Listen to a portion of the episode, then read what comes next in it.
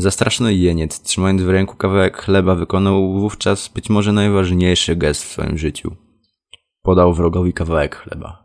Nieoczekiwany prezent tak poruszył niemieckiego wywiadowcę, że nie był on w stanie dokończyć swojego zadania. Z pustymi rękoma przekrać się na powrót do własnych okopów, by stawić czoło naganie przełożonych. Dzisiaj opowiedziałem Wam o regule wzajemności. W całej tej regule dowiedzieliście się tego, jak działa mała próbka, która może nas uzależnić od drugiej osoby oraz jak próbki w naszych domach mogą zobowiązać nas kupno produktu. Witam Was bardzo serdecznie. Z tej strony ponownie Piotrek. W poprzednich dwóch odcinkach dowiedzieliśmy się, jak wpływać na ludzi, co to są heurystyki, co to są działania automatyczne i jak to działa przy zwierzętach, ale przy ludziach również. A w drugim odcinku dowiedzieliśmy się, jak działa zasada kontrastu w całej naszej sztuce manipulacji. Także witam Was bardzo serdecznie już w trzecim odcinku. Nie przedłużając, rozpoczynajmy. A dzisiaj opowiem Wam co nieco o regule wzajemności Roberta Cialdiniego. Witam Was bardzo serdecznie w rozdziale drugim. Płacaj każdy dług tak, jakby sam Bóg wystawił Ci rachunek. Powiedział to Ralph Waldo Emerson, Dzisiaj zaczniemy od historii. Jak zwykle to rozpoczynając. Pewien profesor uniwersytetu wykonał przed laty małe doświadczenie. Wysyłał on kartki z bożonarodzeniowymi życzeniami do grupy absolutnie nieznanych sobie osób. Choć spodziewał się jakiejś ich reakcji, ta, która rzeczywiście nastąpiła, przeszła jego oczekiwania. Oto ci zupełnie nieznajomi mu ludzie zalali go falą swoich kartek świątecznych, których mu odwzajemnili. W dodatku znaczna część z nich nie podjęła żadnych kroków dla wyjaśnienia, dlaczego nieznany im osobnik przysłał do nich kartkę. Po prostu skoro dostali od niego życzenia, klik, odwzajemnili mu swoją własną kartką z życzeniami. Wrr. Badanie to dotyczy z pozoru niezbyt ważnej sprawy, ale ilustruje działanie jednej z najsilniejszych narzędzi wpływu społecznego reguły wzajemności. Reguła ta stwierdza, że zawsze powinniśmy starać się odpowiednio odwdzięczyć osobie, która nam dostarczyła jakieś dobro. Jeżeli znajoma odda nam jakąś przysługę, to my powinniśmy jej przysługę oddać. Jeżeli przyjaciel podaruje nam prezent na urodziny, to my powinniśmy zjawić się z prezentem na jego urodzinach. Jeżeli jakaś para zrobi zaprosi nas do siebie na przyjęcie, to i my powinniśmy ją zaprosić na jedno z naszych własnych przyjęć. I tak dalej, i tak dalej. Na mocy reguły wzajemności jesteśmy zatem zobowiązani do przyszłego rewanżowania się za przysługi, prezenty, zaproszenia i innego typu dobra. Oczywiście sami możemy też zaczynać dawać to i jakby startować tą regułę wzajemności. Niekoniecznie musimy czekać w życiu na to, aby ktoś nas zaprosił albo obdarował.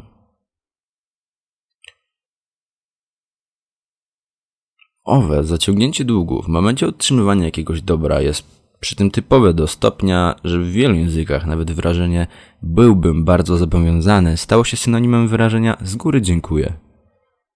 Ważnym aspektem reguły wzajemności i towarzyszącego jej poczucia zobowiązania jest powszechność ich występowania w różnych kulturach. Reguła jest teraz powszechniona tak dalece, że Alfred Goldner w 1960 roku i inni socjologowie stwierdzili, że w wyniku rozległych studiów Zobowiązanie wzajemności znane jest wszystkim społeczeństwom ludzkim. Ponadto w obrębie każdego społeczeństwa reguła wzajemności dotyczy wymiany wszelakich rodzajów dóbr. W istocie sądzić można, że rozwinięty system wzajemnych zobowiązań wypływających z kultury i z funkcjonowania tej reguły stanowi specyficzną cechę budowanej przez ludzi. Wybitny archeolog Richard Leakey upatruje w regule wzajemności wręcz istotę tego, co czyni nas ludźmi. Twierdzi, że jesteśmy ludźmi dlatego właśnie, że nasi przodkowie nauczyli się dzielić żywnością i umiejętnościami w ramach tzw. Tak honorowego łańcucha zobowiązań. Antropologowie kultury Lionel Tiger i Robin Fox, widząc ów łańcuch zobowiązań jako specyficznie ludzki mechanizm adaptacyjny umożliwiający podział pracy, wymianę różnych dóbr i usług oraz stworzenie takiej sieci współzależności, którą wiąże poszczególne jednostki w wysoce skuteczne zespoły. Właśnie skierowanie poczucia zobowiązania na przyszłość ma decydujące znaczenie dla powstania owych społecznych konsekwencji, o których piszą Tiger i Fox. Silne i rozpowszechnione poczucie przyszłego zobowiązania zdecydowało zapewne o pojawieniu się ogromnej różnicy w społecznej ewolucji naszego gatunku. Ponieważ ono oznaczało, że jeden człowiek mógł dać, np. pożywienie, energię czy troskę, innemu człowiekowi mającemu pewność, że w istocie niczego nie traci bezpowrotnie. Tak więc po raz pierwszy w ewolucyjnej historii osobnik mógł wydatkować własne zasoby wcale nie zubażając samego siebie. Konsekwencją tego było obniżenie naturalnych zahamowań przeciwko transakcjom rozpoczynającym się od wydatkowania własnych zasobów na rzecz innego osobnika. Doprowadziło to do powstania wyrafinowanych i skoordynowanych systemów wzajemnego pomagania sobie, wymiany darów, wzajemnego bronienia czy wreszcie handlu. Oczywiście z ogromnym pożytkiem dla członków społeczności, których systemy tak potrafiły się rozwinąć. Zważywszy oczywiście pożytki adaptacyjne wynikające z reguły wzajemności, nie może dziwić, że reguła ta jest niesłychanie silnie wbudowana w procesy socjalizacji. Najbardziej przekonującą ilustracją tego, jak silnie i daleko w przyszłość sięgać mogą zobowiązania wzajemności, jest chyba zdumiewająca historia pewnych 5000 dolarów, jakie w 1985 roku Etiopia ofiarowała Meksykowi. W owym czasie Etiopia mogła z powodzeniem ubiegać się o smutne miano najciężej doświadczonego kraju świata. Ekonomia tego kraju zupełnie i dosłownie leżała w ruinach. Wieloletnie susze, wojny domowe doprowadziły ten kraj do klęski. Tysiące mieszkańców umierało wskutek niedożywienia i chorób. W tej sytuacji nie byłbym zaskoczony, gdyby to Meksyk przekazał ciężko doświadczonej Etiopii jakąś sumę w ramach pomocy humanitarnej. Ku swojemu zdziwieniu przeczytałem w gazecie, że kierunek wymiany był odwrotny. To etiopski Czerwony Krzyż postanowił przesłać 5000 dolarów na rzecz ofiar trzęsienia ziemi w Meksyku. Moja osobistą klęską, choć zawodowym błogosławieństwem jest to, że zawsze wtedy, gdy coś mnie dziwi, albo gdy czegoś nie rozumiem, czuję się zmuszony badać sprawę dalej, by ją jednak zrozumieć. W tym wypadku udało mi się uzyskać dalsze informacje rzucające więcej światła na tę historię, a to dzięki pewnemu dziennikarzowi, któremu sprawa wydała się równie zdumiewająca. Dziennikarz ów się do Etiopczyków z prośbą o wyjaśnienie powodów ich decyzji. Uzyskana odpowiedź okazała się przekonującą wykładnią reguły wzajemności. Oto pomimo własnej katastrofalnej sytuacji Etiopia zdecydowała się wysłać życzoną sumę Meksykowi, ponieważ kraj ten był w nagłej potrzebie. Wszystko przez to trzęsienie ziemi, tak a wcześniej, w 1935 roku, to Meksyk wysłał pomoc humanitarną Etiopii, kiedy ona była w potrzebie wskutek zbrojnej inwizji włoskich faszystów. E, inwazji, przepraszam was bardzo. Po tej informacji, choć nadal byłem pod wrażeniem tej historii, sprawa nagle stała się zrozumiała. Potrzeba odwzajemnienia kiedyś uzyskanej pomocy przezwyciężała dystans w przestrzeni i czasie – różnice międzykulturowe, głód i własne potrzeby ofiarodawców. Krótko mówiąc, poczucie zobowiązania zatriumfowało. W pół wieku później i pomimo niewybitnie sprzyjającym okolicznościom. Zasada działania reguły. W obliczu tak ogromnych pożytków płynących z reguły wzajemności, każde społeczeństwo dokłada oczywiście wszelkich starań, aby jej poszanowanie wpoić każdemu z własnych członków od zarania jego dziejów. Każdy z nas kiedyś był starannie trenowany w zakresie wprowadzenia owej reguły we własne czyny i każdy z nas wie, że ci, którzy reguły nie przestrzegają, narazić się mogą łatwo na wyśmianie i inne sankcje społeczne. Z uwagi na ogólny niesmak budzony przez osobników, którzy biorą, ale sami nic nie dają w zamian, skłonni jesteśmy zadać sobie wiele trudu, by uniknąć miana niewdzięcznika, skąpca czy też naciągacza. Ów trud które sobie z takim zapałem zadajemy, bywa jednak czasami wykorzystywane przez naciągaczy eksploatujących naszą wiarę w regułę wzajemności, a przez to i nas samych. Aby zrozumieć, w jaki sposób reguła wzajemności bywa wykorzystywana przez tych, którzy zadają sprawę z ogromnej mocy tego narzędzia wpływu, przyjrzymy się pewnemu eksperymentowi prowadzonemu przez psychologa Denisa Regmana. Każda osoba badana w eksperymencie dokonywała wespół z innym badanym ocen szeregu dzieł sztuki. Właśnie ocen estetycznych rzekomo dotyczył ów eksperyment. Badany drugi, nazwijmy go hmm, Józek, jedynie udawał badanego, a w rzeczywistości był współpracownikiem doktora Regana, zachowującym się w zaplanowany oczywiście wcześniej sposób. To znaczy w połowę badanych osób Józek oddawał im nieproszoną, drobną przysługę. Podczas krótkiej przerwy w badaniu wychodził na kilka minut, po czym wracał z dwoma butelkami Coca-Coli, mówiąc Pytałem go, chodzi tutaj o eksperymentatora, czy mogę przynieść butelkę coli i zgodził się, więc przy okazji przyniosłem jedną i dla ciebie. W wypadku pewnych badanych Józek wychodził co prawda na przerwę, ale wracał z pustymi rękoma, zatem nie oddawał im żadnej przysługi. Wszystkie pozostałe elementy jego zachowania były jednakowe w obu tych wypadkach. Pod koniec badania, gdy wszystkie oceny dzieł sztuki były już dokonane, eksperymentator wyszedł z pokoju i Józek zwracał się do właściwej osoby badanej z prośbą, aby ona oddała teraz mu przysługę. Zwierzał się, że sprzedaje losy na loterię samochodową i gdyby było udało mu się rozprowadzić już więcej losów niż innych, to uzyskałby nagrodę w postaci 50 dolarów. W końcu pytał badaną osobę, czy ta nie zechciałaby kupić jakichś losów. Jeden los kosztował 25 centów. Każda liczba losów mnie urządza, choć oczywiście im więcej, tym lepiej mówił. Podstawowy pomiar dokonywany w tym eksperymencie był bardzo prosty i podlegał na zliczaniu losów zakupiony przez osoby badane. Bez dwóch zdań Józek okazał się znacznie skuteczniejszym sprzedawcą losów wśród tych badanych, którym uprzednio sam oddał drobną przysługę, najwyraźniej czując, że coś już Józkowi zawdzięczają. Kupili oni dwukrotnie więcej losów niż ci, którzy nie dostali przedtem żadnej przysługi. Choć opisane badanie Regana jest bardzo prostą demonstracją funkcjonowania reguły wzajemności, ilustruje ono ważny szereg własne reguły wzajemności, co pozwoli zrozumieć nam w dalszych rozważaniach, w jaki sposób może być ona wykorzystywana jako narzędzie wpływu na innych. Przemożna siła wzajemności. Jednym z powodów, dla których wzajemność stanowi niezwykle skuteczne narzędzie wywierania wpływu na innych, jest ogromna siła tej reguły – Siła jest jej tak wielka, że to właśnie poczucie zobowiązania decyduje nieraz o spełnianiu takich cudych próśb, które bez tego przeczucia pewnie spotkałoby się z odmową. Badania Regana dostarcza pewnych dowodów na to, że poczucie zobowiązania może silniej wpływać na spełnianie cudzych próśb niż inne czynniki, od których uleganie prośbom nie zależy. Oprócz reguły wzajemności Regana interesowała także kwestia, czy lubienie osoby proszącej przez proszoną wpływa na szansę spełnienia prośby.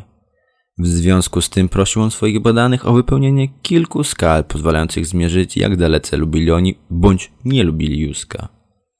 Następnie porównywał siłę lubienia z liczbą zakupionych od Juska losów i stwierdził powiązanie tych dwóch spraw.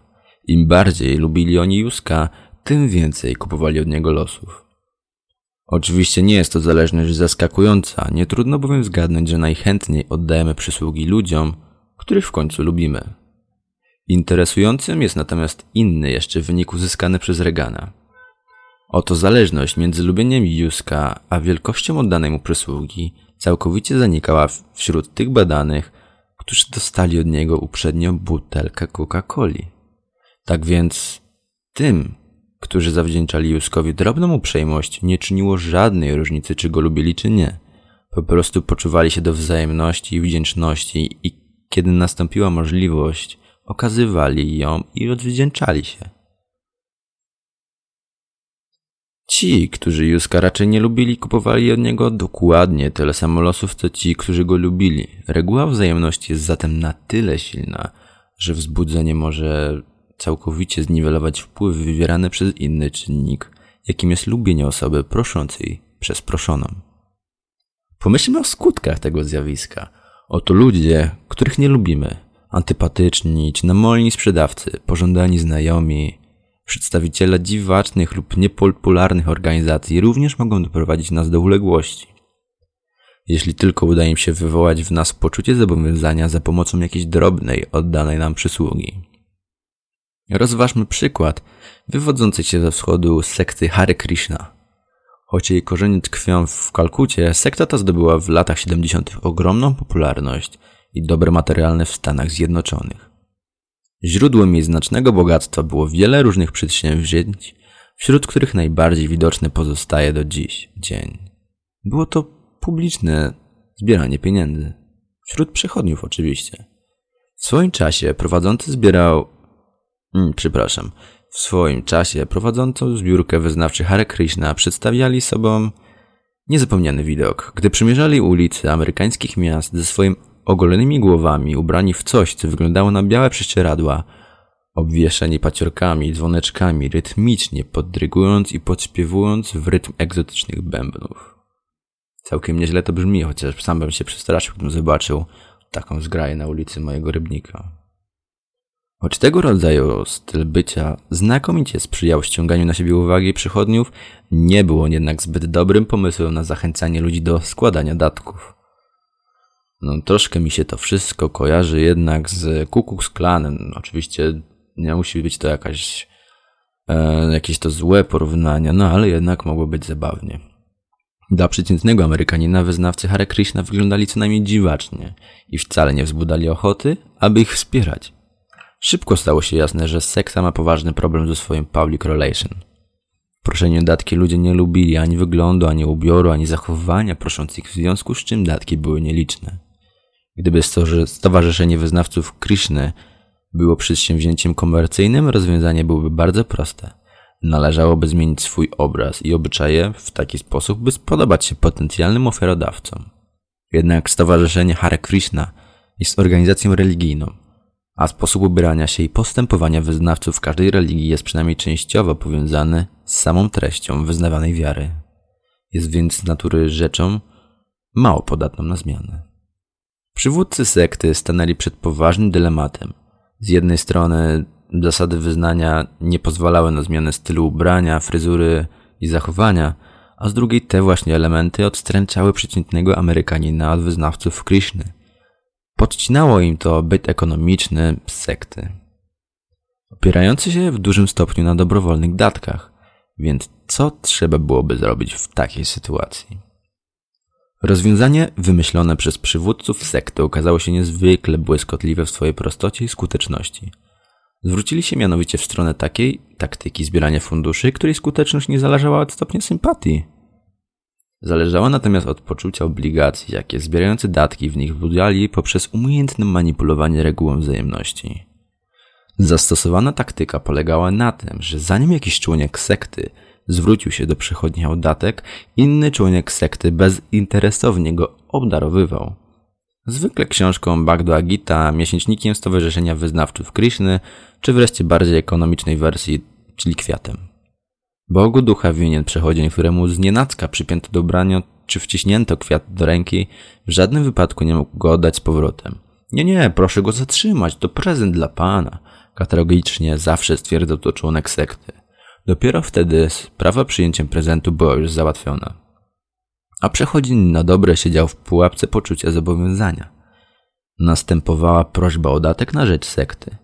Ta taktyka z dobroczyńcy żebraka, stosowana w szczególności na lotniskach, okazywała się niesłychanym hitem Stowarzyszenia Hare Krishna, przy, przynosząc mu ogromne sumy pieniędzy. Wydane następnie na zakup i budowę świątyń, domów, całych przedsiębiorstw należących dziś do 321 ośrodków sekty w Stanach. Choć obecnie taktyka ta nie przynosi już wyznawcom Kryszny takich sukcesów jak na początku, warto zauważyć, że nie wynika to wcale z osłabienia reguły wzajemności.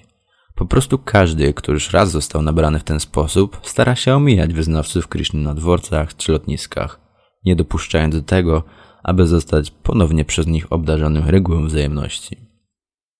I choć stowarzyszenie wymaga obecnie od swoich członków zwyczajnych ubiorów w trakcie zbierania dawku, da, datków, niektórzy dźwigają nawet torby podróżne i walizki, tak aby być potencjalnym ofiarą uniemożliwić ich natychmiastowe rozpoznanie.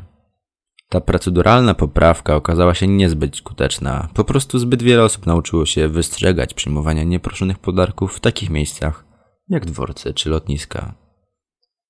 W konsekwencji Stowarzyszenie Hare Krishna doświadcza w ostatniej dekadzie poważnych trudności. W samej tylko Ameryce Północnej około 30% jego świątyń zostało zamkniętych z powodów ekonomicznych, a liczba personelu z około 5000 spadła do 800. Jednak wyznawcy Krishny nie zniechęcają się łatwo. Liderzy stowarzyszenia przyznają, że ma ona kłopoty z utrzymaniem swojej długotrwałej już obecności na terenie Stanów – jednak wiele obiecują sobie na nowo otwartych rynkach Europy Wschodniej. gdzie ludzie zapewne jeszcze nie zdążyli poznać się na taktyce dobroczynności owych sekciarzy. Nawiasem mówiąc, fakt, że ludzie bronią się przed sekciarzami, nie pozwalają, aby im oddano początkową przysługę. Zamiast po prostu odmówić od wzajemnienia, stanowi następny dowód na przemożną siłę tkwiącą w regule wzajemności. Łatwiej nie dać się wpuścić w działanie reguły, niż po prostu ją złamać, kiedy została już zastosowana. Ta sama reguła jest dosyć często stosowana w polityce. Na szczeblu najwyższym wybierani reprezentacji narodu często angażują się w wymianę usług, co czyni świat polityki niezbyt, najłagodniej mówiąc, zrozumiałym dla normalnego człowieka, jednak kiedy posłeł głosuje sprzecznie z linią swojej partii czy własnymi poglądami, może zatem się ukrywać po prostu oddawanie przysługi innemu politykowi, wobec którego ma jakieś zobowiązania. Znawców sceny politycznej nieraz dumowia ogromna liczba ustaw, jakie amerykańskiemu prezydentowi Lyondowi Jonesowi udało się przeprowadzić przez kongres w początkowym okresie sprawowania prezydentury. Za jego projektami głosowano często nawet kongresmeni powszechnie znani ze sprzeczności swoich poglądów. Dokładniejsze analizy wykonane później przez politologów wykazały, że przyczyną nie były tyle perswazyjne talenty prezydenta, ile po prostu duża liczba przysług, jakie on oddał wielu członkom Kongresu i Senatu podczas swojego wieloletniego przebywania w kręgach najwyższej władzy. Po osiągnięciu prezydentury mniej lub bardziej wyraźnie zażądał spłacenia po prostu swoich długów, co pozwoliło mu uzyskać pożądane przez siebie rezultaty przy wielu głosowaniach.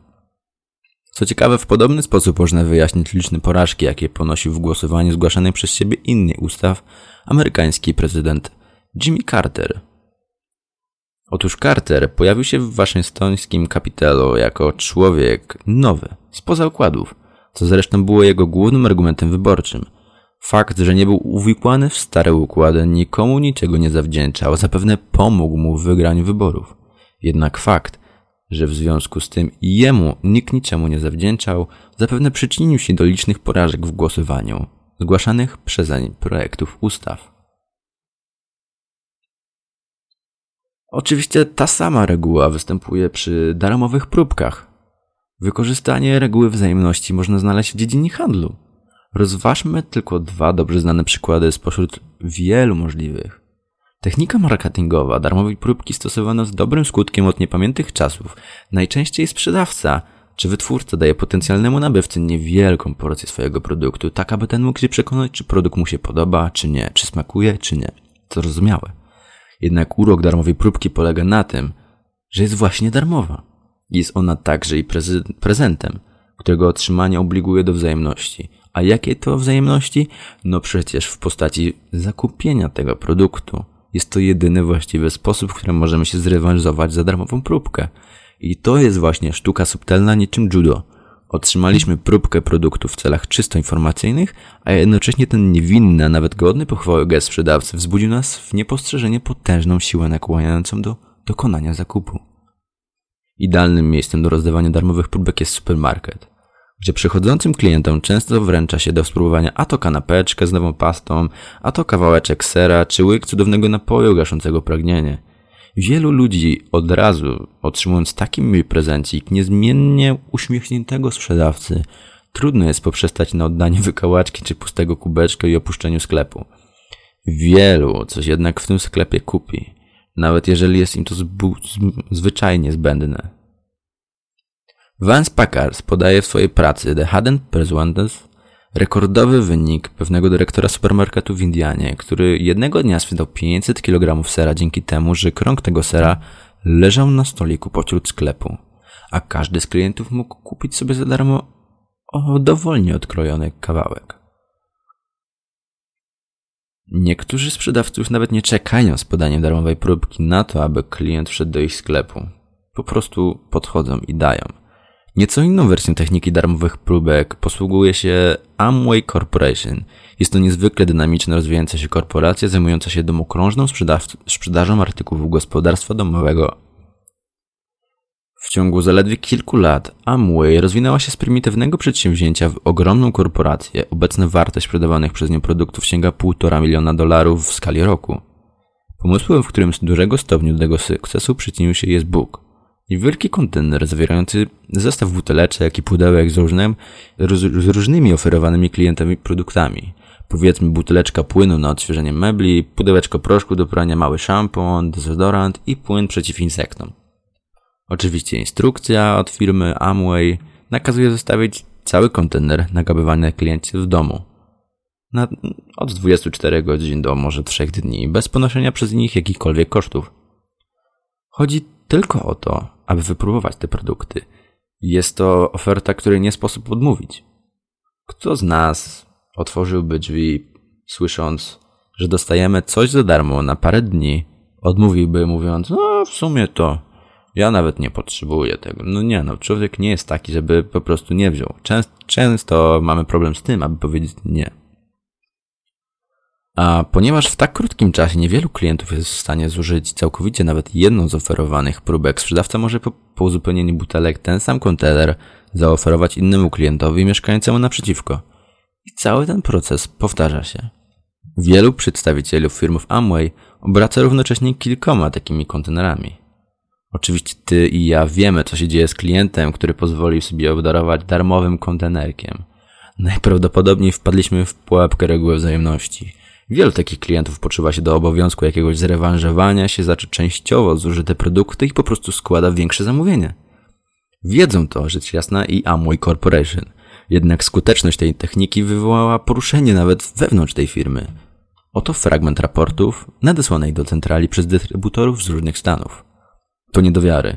Jeszcze nigdy czegoś takiego nie mieliśmy. Produkty schodzą w niebywałym tempie, a dopiero rozpoczynamy. Lokalni dystrybutorzy zaczęli posługiwać się bugami i nastąpił niesłychany wzrost sprzedaży. To najlepszy pomysł na sprzedaż detaliczną, jaki kiedykolwiek mieliśmy. Średnio rzecz biorąc, jeżeli klient zaakceptuje buga, to zamawia potem połowę znajdujących się w nim produktów. Słowem doskonałe. W całej naszej organizacji nic nie okazało się równie skuteczne jak to. Dystrybutorzy firmy Amway są kompletnie, choć mile zaskoczeni skutecznością buga. Oczywiście po tym, co się dotąd powiedzieliśmy, ani ty, ani ja nie powinniśmy się temu dziwić. Reguła wzajemności rządzi też szeregiem sytuacji społecznych, nie mających związku ani z pieniędzmi, ani z handlem. Właśnie takiej sytuacji dotyczył jeden z moich ulubionych przykładów, ilustrujących ogromną siłę wzajemności jako narzędzia wpływu na innych. Europejski uczony Eil Ebelstand w 1995 roku opisuje epizod, jaki przydarzył się podczas I wojny światowej pewnemu niemieckiemu żołnierzowi, którego zadaniem było chwytanie żołnierzy przeciwnika celem późniejszego oddania ich przesłuchaniu. Z samej istoty okopowej wojny pozycja wynikała dużą trudność przekroczenia pasa ziemi niczyjej, rozdzielającego wrogie linie okopów. Jedynie doświadczony wywiadowca, działający w pojedynkę i pod osłoną nocy, był w stanie przyczołgać się do wrażnych okopów celem pochwycenia języka i każda z walczących armii takimi wywiadowcami dysponowała. Jeden z doświadczonych wywiadowców kolejny raz przekradł się którejś nocy do nieprzyjacielskich okopów i zaskoczył w nich samotnego żołnierza. Dało się łatwo rozbroić, ponieważ akurat zajęty był jedzeniem. Zastraszony jeniec, trzymając w ręku kawałek chleba, wykonał wówczas być może najważniejszy gest w swoim życiu. Podał wrogowi kawałek chleba. Nieoczekiwany prezent tak poruszył niemieckiego wywiadowcę, że nie był on w stanie dokończyć swojego zadania. Z pustymi rękoma przekrać się na powrót do własnych okopów, by stawić czoło naganie przełożonych. I otóż tym chciałbym zakończyć dzisiejszy odcinek. Przedstawiłem Wam dzisiaj regułę wzajemności i tym samym chciałbym Was zaprosić do usłyszenia moich poprzednich odcinków o manipulacji. Zapraszam Was również do oceny na iTunesie do polajkowania fanpage'a na Facebooku oczywiście i Instagramie. Często tam wrzucam jakieś różne ciekawe cytaty z książek oraz treści z mojego życia. Nie pozostaje mi nic innego, jak pożegnać się z Wami i życzyć Wam miłego dnia.